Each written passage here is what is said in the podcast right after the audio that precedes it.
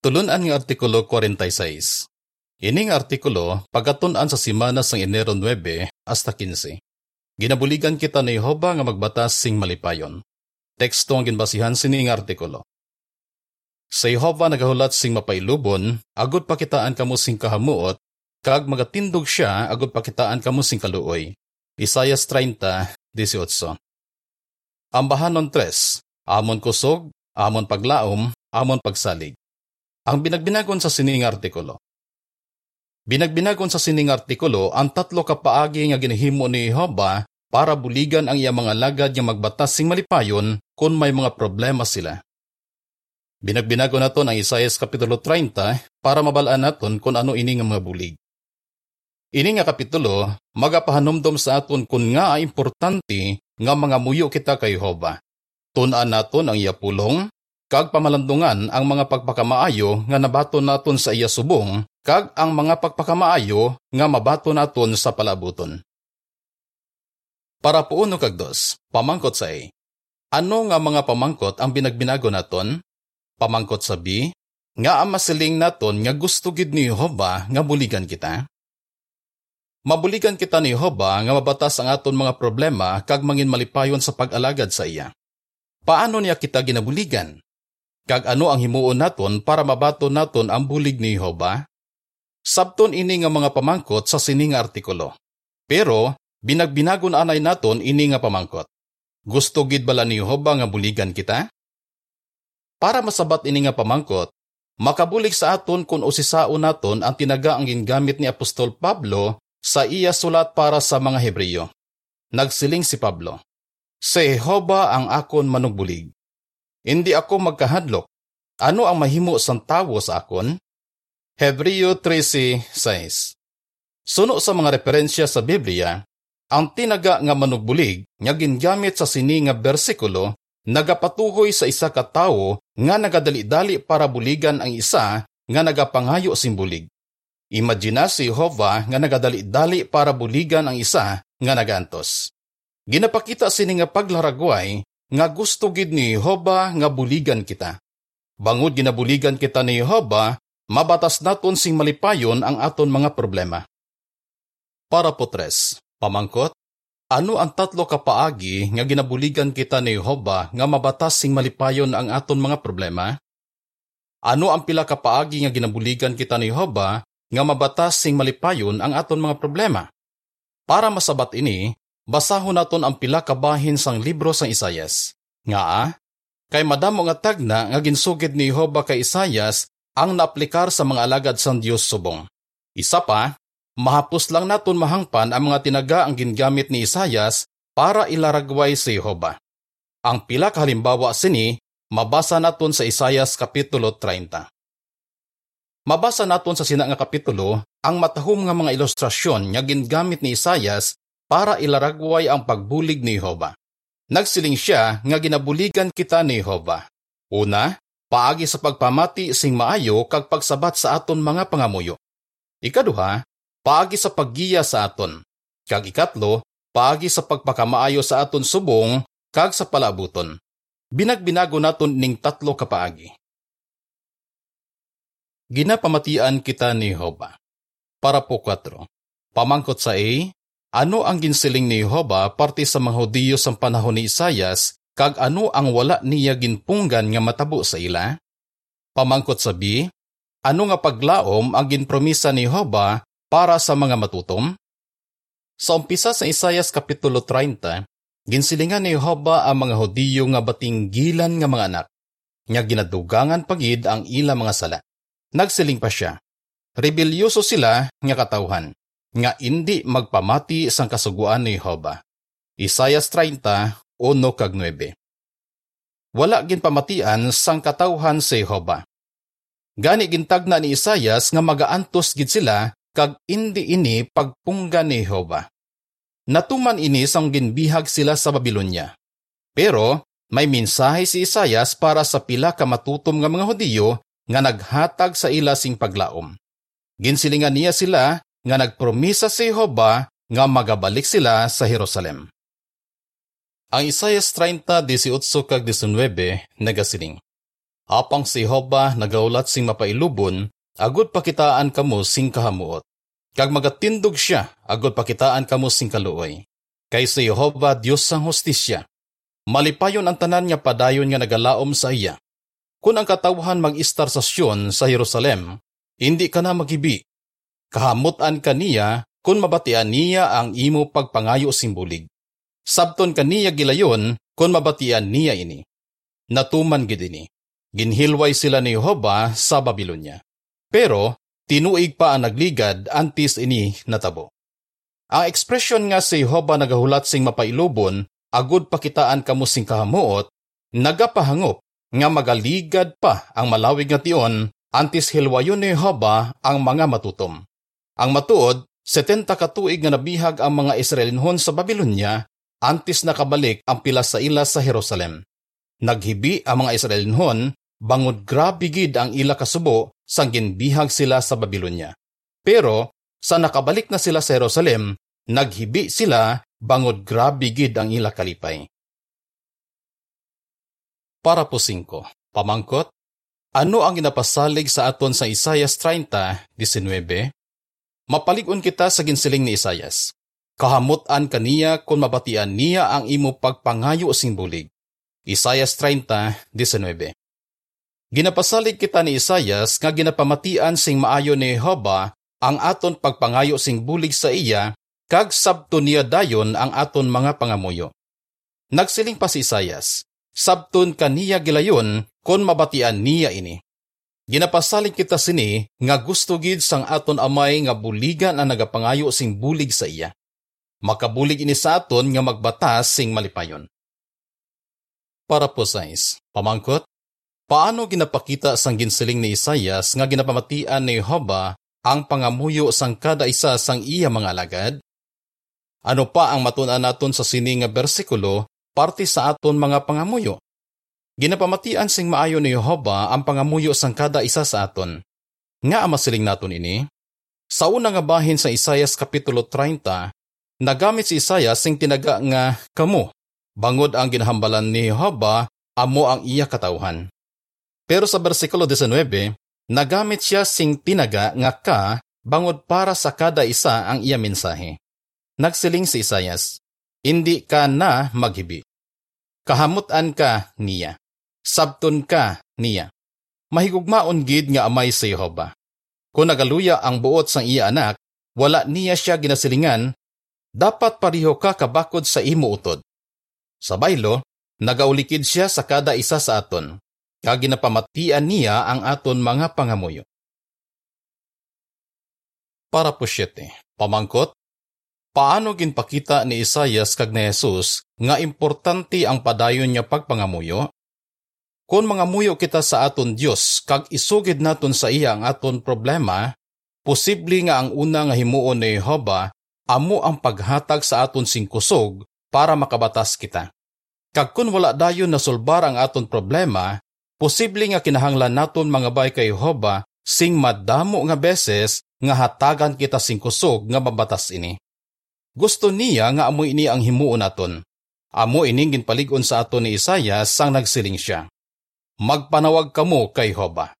Isaya 62:7 Ginapakita sini nga dapat padayon kita nga magpangamuyo kay Hoba.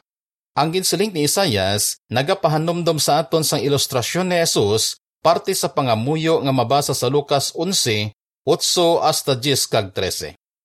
Ginpalig-on kita ni Jesus nga padayon nga magpamilit kung nagapangamuyo kita kag padayon nga magpangayo sang balaan nga espiritu. Pwede man kita magpangabay kay Jehova nga buligan niya kita nga makahimo sang maayo nga mga desisyon. Ang caption sa mga picture nagasiling. Pareho sa ginsiling ni Isayas, dapat padayon kita nga magpanawag kay Jehova. Ginagiyahan kita ni Jehova. Para potso, pamangkot, paano natuman sadto ang Isayas 30, 20 kag 21? Ang Isayas 30, 20 kag 21 nagasiling. Bisan hatagan kamo ni Jehova sing kalisdanan subong pagkaon, kag sing pagpigos subong ilimnon, ang inyo dako nga instruktor hindi na magpanago. Kag makita ninyo ang inyo dako nga instruktor.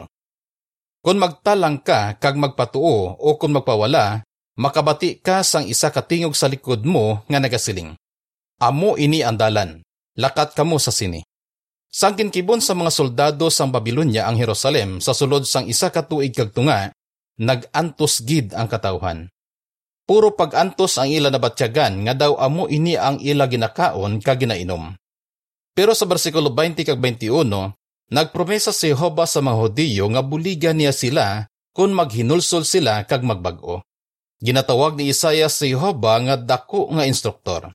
Kag nagpromesa siya nga tudluan ni Jehova ang katawhan kung paano nila siya masimba sa husto nga paagi. Natuman ini sang ginhilway ang ginbihag nga mga Hudiyo. Ginpakita ni Jehova nga siya ang ila dako nga instruktor kag gingiyahan niya sila para mapasag-uli sang iya katawhan ang putli nga pagsimba.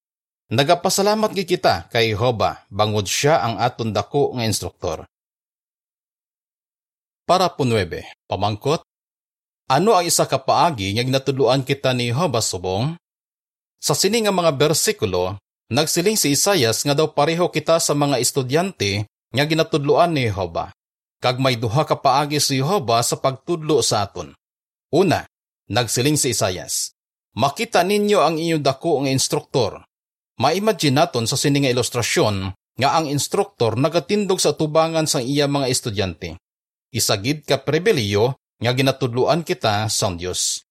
Paano kita ginatudluan ni Jehovah subong? Ginahimo niya ini paagi sa iya organisasyon.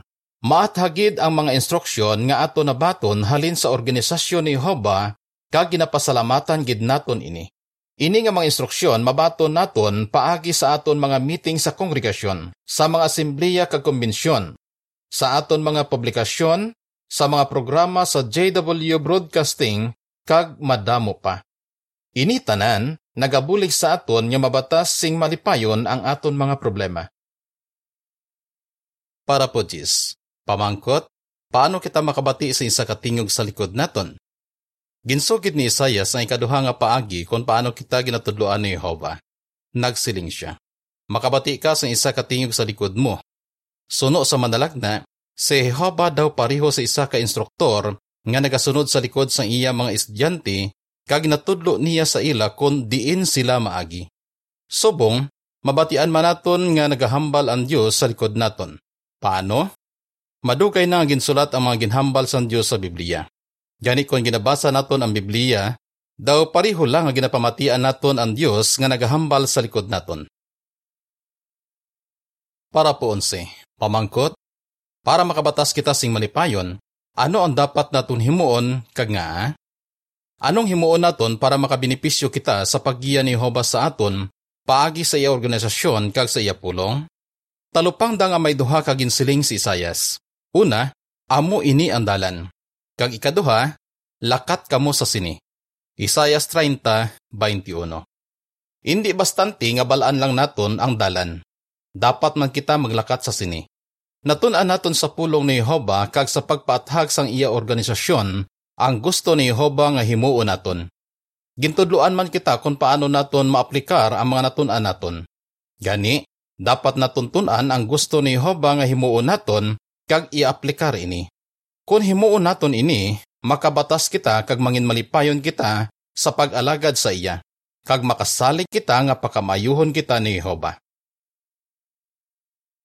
Ginapakamaayo kita ni Jehova, para po si pamangkot, suno sa Isayas 30, 23 hasta 26, paano ginapakamaayo ni Jehova ang iya katawhan?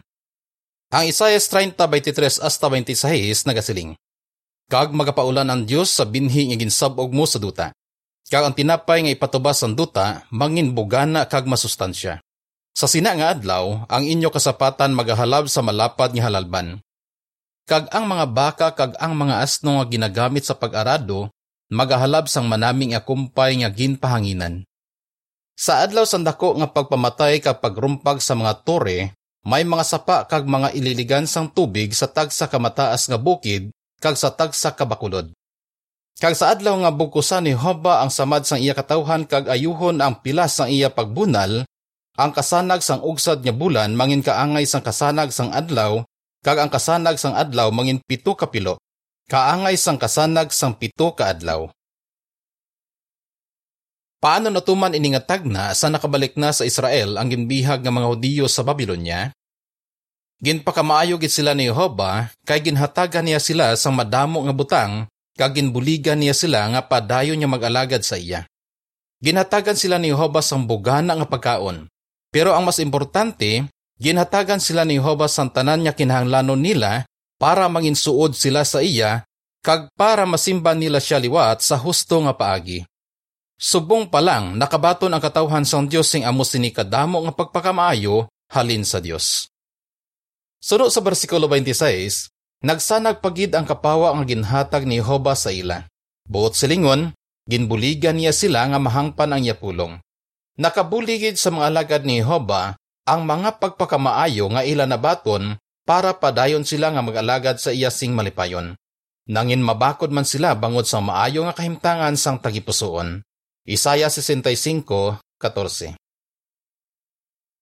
Para po 13. Pamangkot, paano nagakatuman subong ang tagna parte sa pagpasag-uli sang putli nga pagsimba? Ang tagna bala parte sa pagpasag-uli sang putli nga pagsimba nagakatuman man subong? Oo. Paano? Sugod sang 1919 CE, minilyo na katao ang nahilway sa pagkabihag sa Babylonia nga dako o kon ang bugos kalibutan nga imperyo sang butig nga reliyon. Gindala sila sa lugar nga mas maayo pa sa ginsaan nga duta sang mga Israelinhon. Gindala sila sa espiritual nga paraiso. Ano ang espiritual nga paraiso? Para po 14. Pamangkot, ano ang espiritual nga paraiso kag sino ang nagaistar diri subong? Sugod sang 1919 CE, nag-istar sa espiritual nga paraiso ang mga hinaplas. Ari ang dugang nga patag. Ang espiritual nga paraiso amo ang pinasahi nga kahimtangan diin ginasimba naton sa Jehova sing nahiusa. Sa sini nga kahimtangan, may buga na kita nga espiritual nga pagkaon kag wala ini na impluwensyahan sa butig nga mga panudlo. Madamo man kita sing makalipay nga likuton para ibantala ang maayong balita sang ginarian sang Dios. Suod kita kay Jehova kag maayo ang atot kaangtanan sa aton mga kauturan nga nagapalangga kang nagabulig sa aton nga mabatas sing malipayon ang aton mga problema. Nag-istar kita sa espiritual nga paraiso sang ginsimba naton sa Jehova sa husto nga paagi kag sang ginhimo naton ang aton bugos nga masarangan para ilugon siya. Balik sa parapo. Pagligad sang tion, ang mga may paglaom nga mabuhi sa duta nga ginatawag iban nga mga karnero, nag-istar man sa sining espiritual nga duta kag ginapakamaayo sila ni Jehova. 1 Gis 16 Para po 15. Pamangkot, Diin makita ang espiritual nga paraiso? Diin makita subong ang espiritual nga duta o kon paraiso? Ang mga sumilimba ni Jehovah nagaistar sa bilog nga kalibutan. Gani, ang espiritual nga paraiso nga ila ginaistaran nahamtang sa bilog nga kalibutan. Subong, kung mapisa nato nga ginasuportahan ang matuod nga pagsimba, makaistar kita sa espiritual nga paraiso bisan diin man kita nagaistar sa duta. Para po 16. Pamangkot, ano ang himuon naton para padayon naton nga makita ang katahom sang espiritual nga paraiso? Para padayon kita nga makaistar sa espiritual nga paraiso, dapat padayon naton nga ipakita nga nagapasalamat kita kay bahing kita sa bugos kalibutan nga kristyanong kongregasyon. Paano naton ina mahimo? Paagi sa pag-apresyar sa matahom nga mga kinaiya sang aton mga kauturan, kag indi pagpukos sa ila mga kaluyahon. Nga importante nga himuon naton ini? Huna-hunaa ini nga ilustrasyon. Sa isa ka matahom nga parke, madamo gid kita si makita nga sari-sari nga mga kahoy. Aw man sini sa aton mga kongregasyon subong. Mapaanggid naton sa mga kahoy ang aton sari-sari nga mga kauturan. Kung may makita kita nga hindi maayo sa isa ka kahoy, hindi kita dapat magpokus sa sini. Sa baylo, dapat naton apresyahon ang katahom sang parke katahom gid sang paghiusa sang aton bugos kalibutan nga kristyanong kongregasyon.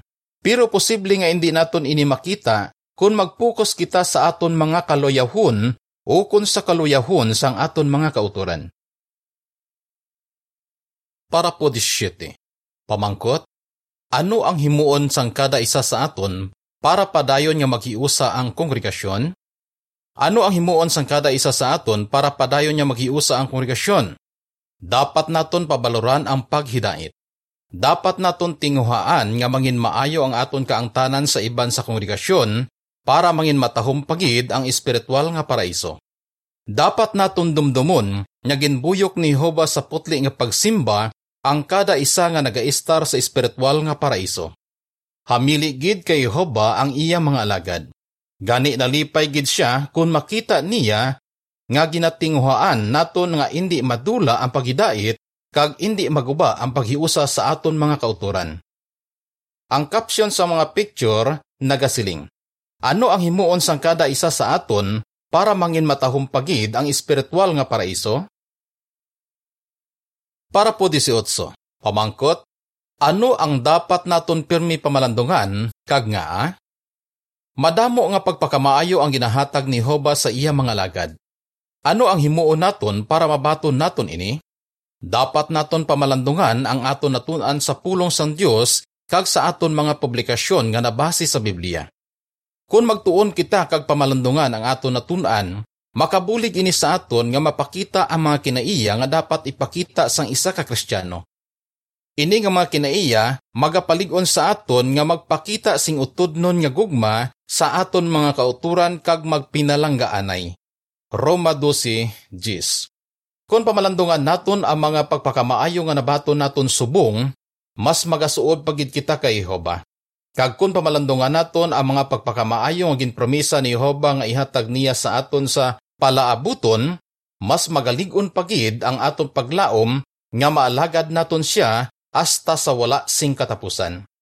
Ini tanan nagabulig sa aton nga mangin malipayon sa pag-alagad kay Jehova dapat handa kita nga magbatas. Para po 19. Pamangkot sa A, suno sa Isaias 30.18, ano ang masigurado naton? Pamangkot sa B, ano ang makabulig sa aton nga magbatas sing malipayon? Kung laglago na ni Jehovah ining malain niya kalibutan, magatindog siya para sa aton. Isaias 30.18 Kabalo kita nga si Jehovah Diyos sang hostisya. Gani sigurado nga laglagon gid niya ang kalibutan ni Satanas sa iyagin patod nga tion. Dapat naton hulaton sing mapinasinsyahon ang adlaw nga luwason kita ni Jehova. Samtang wala pa ina mag-abot, dapat padayon naton nga pabaluran ang aton pribilehiyo nga makapangamuyo. Tunan ang pulong sang Dios kag aplikar ang aton natunan kag pamalandungan ang aton mga pagpakamaayo. Kung himuon naton ini, Buligan kita ni Hoba nga magbatas kag mangin malipayon sa pag-alagad sa iya. Paano ang Isayas Kapitulo 30 nagapahanondom sa aton nga gusto gid ni Hoba nga pamatian kita, giyahan kita, pakamayuhon kita. Ambahanon 142 Manguyapot sing hugot sa paglaom. Diri natapos ang artikulo.